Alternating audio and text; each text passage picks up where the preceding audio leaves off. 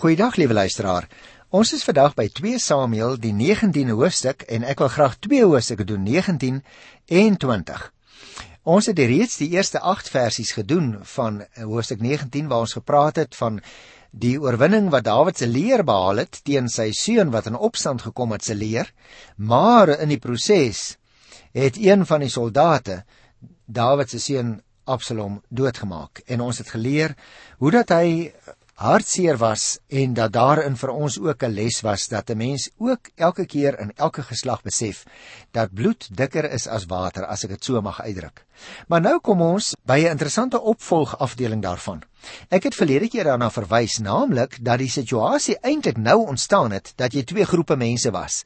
Dawid en sy ouens wat die oorwinning behaal het hoewel Absalom dood is en die mense wat saam met Absalom in opstand gekom het. Daar is dus hierdie splinterfaksie in die land wat nou hier genoem word in die Bybel Israel en hulle moet baie baie benoud gewees het. En nou gaan ons hierdie opstandigheid van sekere mense wat dan nou voortduur ook raak lees. Maar wat ons ook gaan raak lees is dat die groter hoeveelheid van die mense Dawid wou terug hê as koning. Ek begin lees by 2 Samuel hoofstuk 19 vers 9. Ek hoop jy het ook jou Bybel daar voor jou. Daarna het die manne van die Israelitiese stamme onder mekaar begin praat. Dit is die koning deur wie ons gered is uit die mag van ons vyande. Hy het ons bevry uit die greep van die Filistyne en nou moes hy die land uitvlug voor Absalom. Jy sien liewe luisteraars die lojaliteit wat in hierdie mense se harte lê, dit begin nou dadelik weer roer. In hierdie deel word Israel of die Israeliete soos ons hier lees, gebruik as 'n aanleiding van die noordelike stamme, in teenstelling met natuurlik ook met uitsluiting van die gebied van Juda. Die onderlinge wantroue tussen die twee groepe het meermale na vore gekom in die geskiedenis. Ons het dit al gesien en ons gaan dit in die toekoms ook nog sien. Maar soos byvoorbeeld toe Dawid oor Juda koning geword het in Hebron, onthou jy nog? Toe is Isboset die koning oor die ander stemme in Maganaim gekroon. Absalom moet ons ook onthou het baie steun onder die noordelike stamme gehad, maar die opstand het in Hebron, die ou hoofstad van Juda, begin. Die beweging om Dawid terug te kry as koning het nou hier in die noorde begin, veral met die herinnering aan wat Dawid vir die volk gedoen het in die verlede. Die Filistyne word ook in hierdie gedeelte wat ek nou verder gaan behandel verder genoem as die volk se belangrikste vyand in die tyd toe Dawid koning geword het. Maar dan gaan ek so 'n bietjie met jou gesels ook oor die oorwinning wat daar oor die Filistyne behaal is. So as ons nou kyk na vers 10, dan kry ons daar ook interessante inligting. Buitendien is Absalom vir wie ons tot koning gesalf het in die geveg dood. Waarom talm julle nog om na die koning toe terug te kom? Jy sien hier is dus mense wat sê hoorie ons hoe gouer ons na na koning Dawid toe teruggaan in ons lojaliteit teenoor hom bely, hoe veiliger gaan dit vir ons wees? Eh, so was byvoorbeeld Absalom se dood, vertel die 10de vers, juis die begin van die einde van die opstand wat gedreig het. Dawid was natuurlik nog op hierdie stadium in Maganaim waar hy gevlug het. Hy wou nie teen Jerusalem veg nie, maar hy het gewag dat die weerstand moet verkrummel. Daarom laat hy so 'n bietjie tyd verloop. Vers 11 sê hierdie gevoel onder Israel het by Dawid en sy mense uitgekom. Daarna die koning vir die priesters, dit is nou Sadok en Abiatar laat weet, praat by die leiers van Juda en vra: "Waarom moet julle nou die laaste wees om die koning na sy paleis toe te laat terugkom?" Jy sien, Dawid is 'n baie goeie strateeg. Ek het al van tevore daarop gewys. Hy is nou bang dat Juda, die stam waarvan hy lid was, dalk van hom vervreem sou raak as Israel hom as koning herstel sonder dat Juda by is. Daarom het hy nou deur sy twee getroue medewerkers, die priesters Sadok en ook Abiatar met Juda, sy stam waaruit hy kom, kontak gemaak. Hulle was nog by die ark in Jerusalem. Vers 12 sê: "Julle is my broers, ja, julle is my mense." Jy sien hy speel so 'n bietjie ook op die gevoel en op die emosie nie waar nie. Waarom moet julle nou die laaste wees om die koning te laat terugkom. Dawid doen dus vir alle beroep op die bloedband tussen hom en Juda. Vers 13. Sê vir Amasa ek sê, is jy nie my eie bloedfamilie nie, maar God my om die lewe bring as jy nie vir altyd die hoof van my leer word in die plek van Joab nie. Amasa, liewe luisteraars, moet ons nou onthou, was die bevelvoerder van Absalom se leer vroeër. Hy was die seun van Dawid se suster Abigail en dus 'n neef van sowel Absalom as Joab. Nou het Dawid vir Absalom in Joab se plek oor die leer aangestel om so die guns van al Absalom se volgelinge ook te probeer wen. Mense kan dit verstaan. Dit is soos wat dit in ons tyd gebeur. Daar kom byvoorbeeld 'n oppositieparty of 'n koalisieparty miskien wat opgeneem word in 'n land se parlement. En dan sal die president of die eerste minister van daardie land een of twee of meer mense van daardie minderheidsparty opneem in sy regering. Hoekom word dit gedoen? Om hulle aanhangers ook tevrede te stel. En dit is eintlik maar net presies dit wat hier gebeur. Dit was egter, liewe luisteraars, in hierdie geval 'n verkeerde besluit. Hoekom? Omdat Joab daardeur te nagekom gevoel het. Dit was Dawid se manier om Joab te straf vir sy aandeel in Absalom se dood. Want ons moet onthou, nadat Joab Dawid se bevel om Absalom se lewe te spaar geïgnoreer het, was hy nie meer by Dawid in guns nie. Hy het nie rekening gehou met wat Joab se reaksie sou wees nie en daarom kon alleen Joab en sy ander getroue ondersteuners vervreem raak met hierdie optrede teenoor een van die leiers van die opstand. So ons moet verstaan hier is 'n baie delikate situasie wat nou ontwikkel. Joab is nou nie verder Dawid se generaal nie. Maar hy wat Joab is, het ook nog 'n klomp aanhangers. En dit hou dus steeds die moontlikheid in van 'n burgeroorlog. Luister na vers 14. So het hy die hele Israel soos een man na sy kant toe oorgehaal en hulle het die koning laat weet: "Kom terug, u en al u manskappe." So die ouens daar in Jerusalem sê: "Nou maar goed, as daar nou ook guns bewys word aan iemand van uh, Absalom wat nou oorlede is, dan moet ons nou vir die koning sê kom terug. Want dit lyk vir my die koning kan dalk daarin slaag sê elke ou vir homself om al die partye te kan verenig. En ek dink op daardie stadium was Dawid die enigste man wat dit kon doen. Nou gaan ons hier by die 15de vers kom en hier kry ons nou eintlik so 'n bietjie van aanvoeling van die ongemak wat daar was.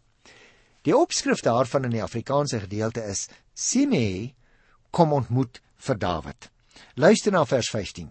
Die koning is toe terug, dit wil sê natuurlik nou na Jerusalem toe, en terwyl hy op pad was na die Jordaan toe, het Juda by Gilgal bymekaar gekom om hom te ontmoet en oor die Jordaan te help. Simei, die seun van Gera, die Benjaminiet van die stad Bahurim, het haastig saam met Juda afgegaan om koning Dawid te ontmoet. Jy sien, hy kom nou terug, hy beweeg weswaarts. Hy wat Dawid is in die rigting van Jerusalem en verskillende persone en groepe gaan nou om hom te ontmoet. Hy kom, hy wat Dawid is, kom van die klein dorpie Maganaim af.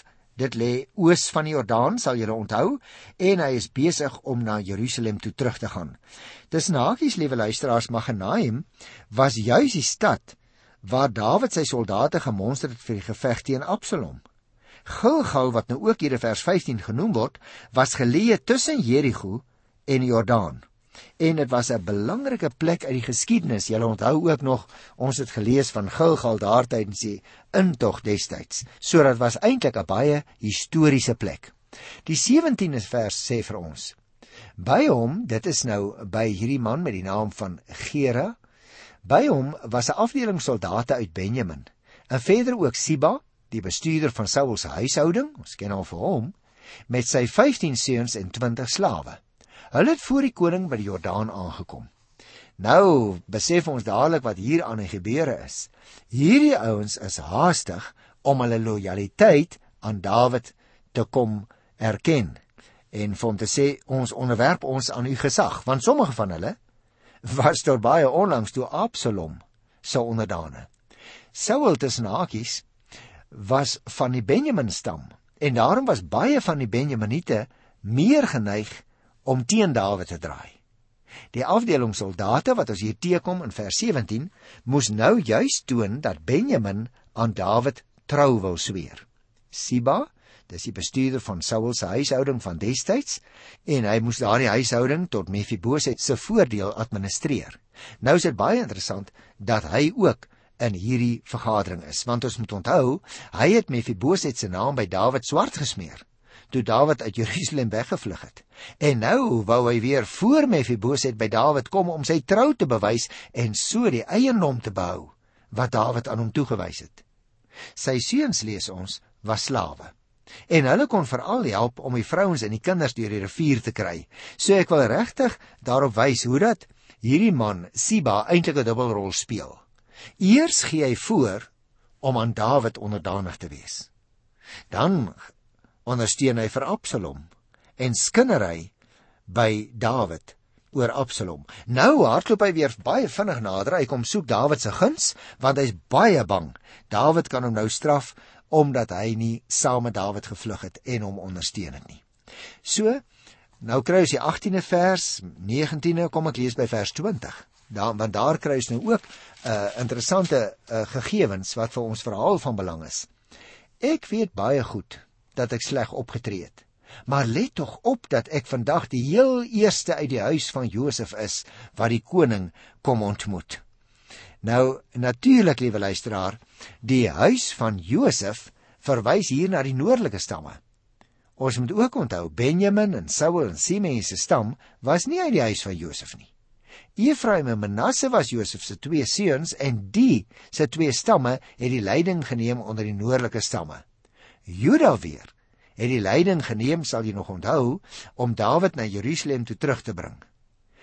As Simei ook nou hier aan die woord kom, dan doen hy hom voor as die verteenwoordiger van die noordelike stamme, wat hy vernoem na die leidende stamme Efraim en Manasse. Hy hoop dus in sy hart dat Dawid nie die hereniging van die volk onder Dawid as koning in gevaar sou stel deur teen hom wat Simei is op te tree nie. Jy sien liewe luisteraars, hierdie mense is besig om Dawid se guns te probeer wen.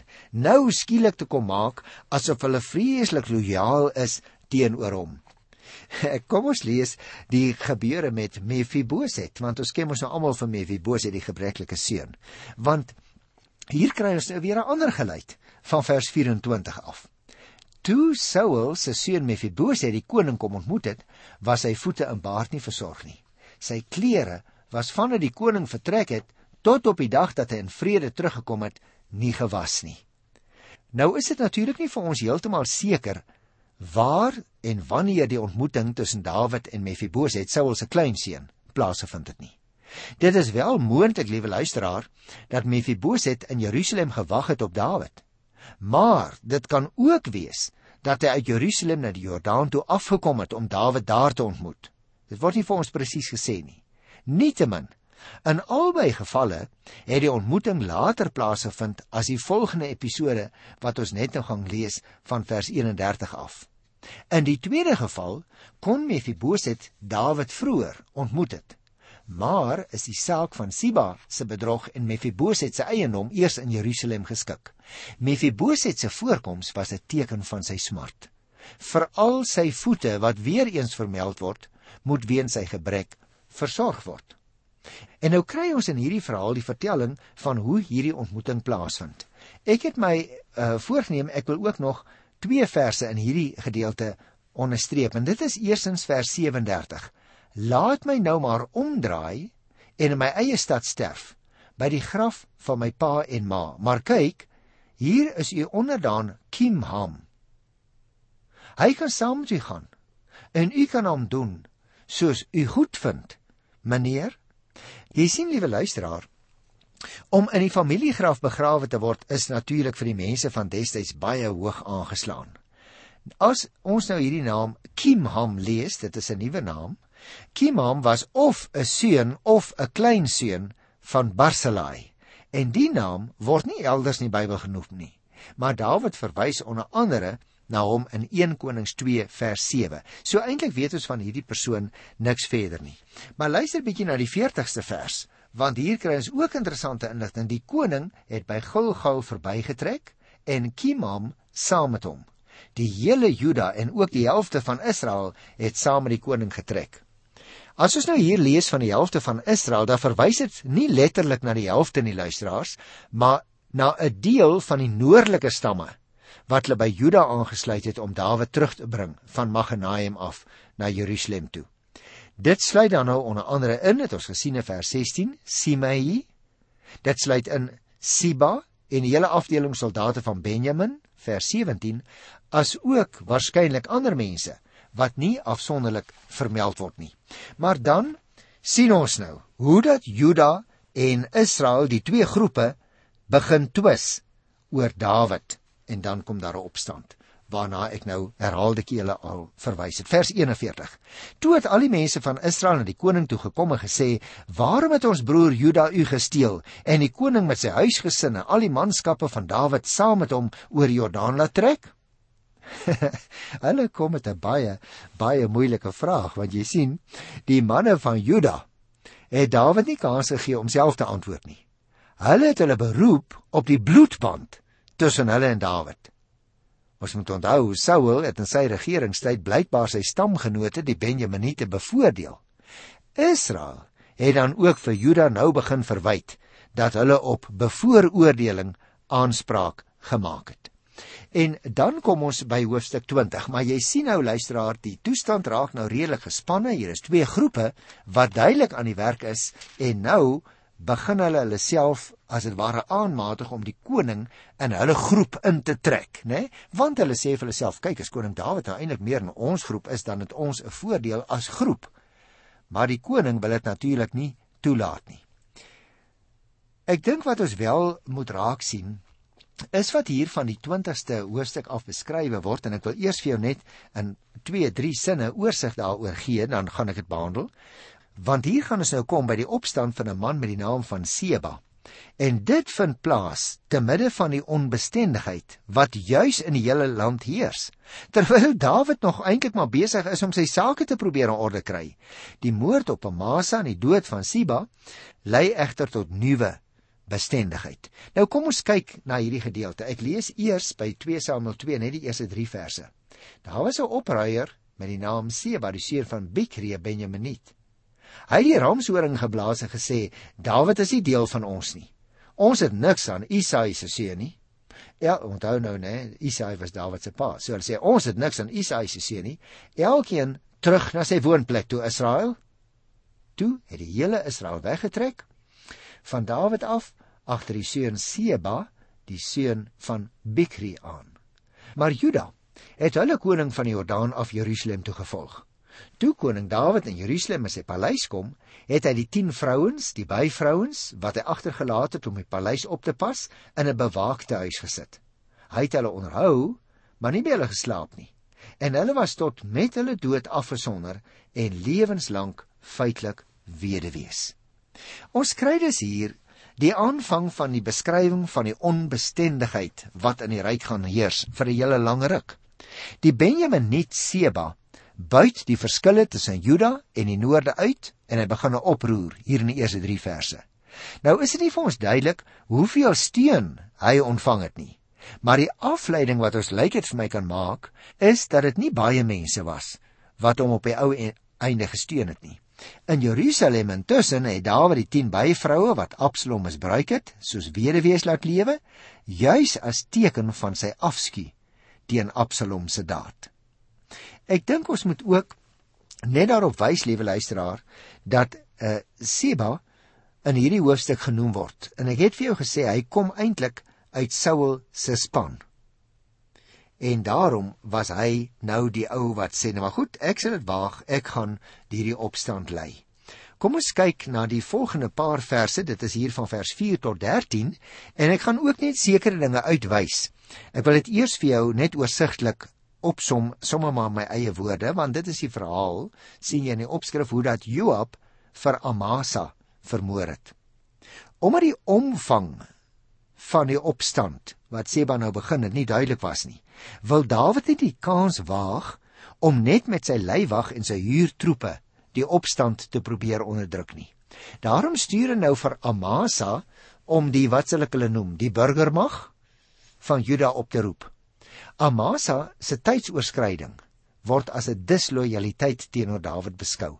Dawid stuur toe vir Abisai met die permanente troepe mag om die opstandelinge in te haal maar skaars 10 km van Jerusalem af kry hulle vir Amasa in Benjamin wat verder twyfel oor sy lojaliteit laat ontstaan. En op 'n bedrieglike wyse steek Joab dan vir Amasa sodat hy net daar op die plek sterwe en hy neem self die bevel van die troepe oor. Nou wil ek net wys op vers 6, vers 8 en vers 10. Luister na vers 6. Toe sê die koning vir Abisai: Nou sal Seba, die seun van Bikri, ons nog meer moeilikheid gee as Absalom. Vat jy my manskappe haal hom in voordat hy dalk deur een van die sterk stede trek en op 'n plek kom waar ons hom nie kan bereik nie. Met ander woorde, die koning stuur hom agterna en dan lees ons by die 8ste vers: Terwyl hy by die groot klip in Gibeon was, het Amasa by hulle aangekom. Joab het nog sy mantel aangetree waaroor sy swaard in die skede vasgespe was. Hy het op Amasa afgestap en toe val die swaard uit. Joab het vir hom gesê: "Gaan dit goed met jou, my broer?" en hom met sy regterhand aan die baard gegryp asof hy hom wou soen. Amasa was nie op sy hoede vir die swaard in Joab se ander hand nie. En Joab het hom daarmee in die onderlyf gesteek sodat sy ingewand op die grond uitgeval het. 'n Tweede steek was onnodig. Hy sou sterf. Joab en sy broer Abisai het toe vir Seba die seun van Bikri agtervolg. So jy sien, 'n liewe luisteraar, ons kry hier 'n verhaal wat nou ek wil amper vir jou sê buite perke begin eskaleer. Die hele situasie raak totaal onhanteerbaar. En daarom as ons hier teen die einde van die verhaal kom, dan staan daar in vers 21 geskrywe: Dit gaan maar net oor 'n man uit die Efraimshoogte. Sy naam is Seba, die seun van Bikri.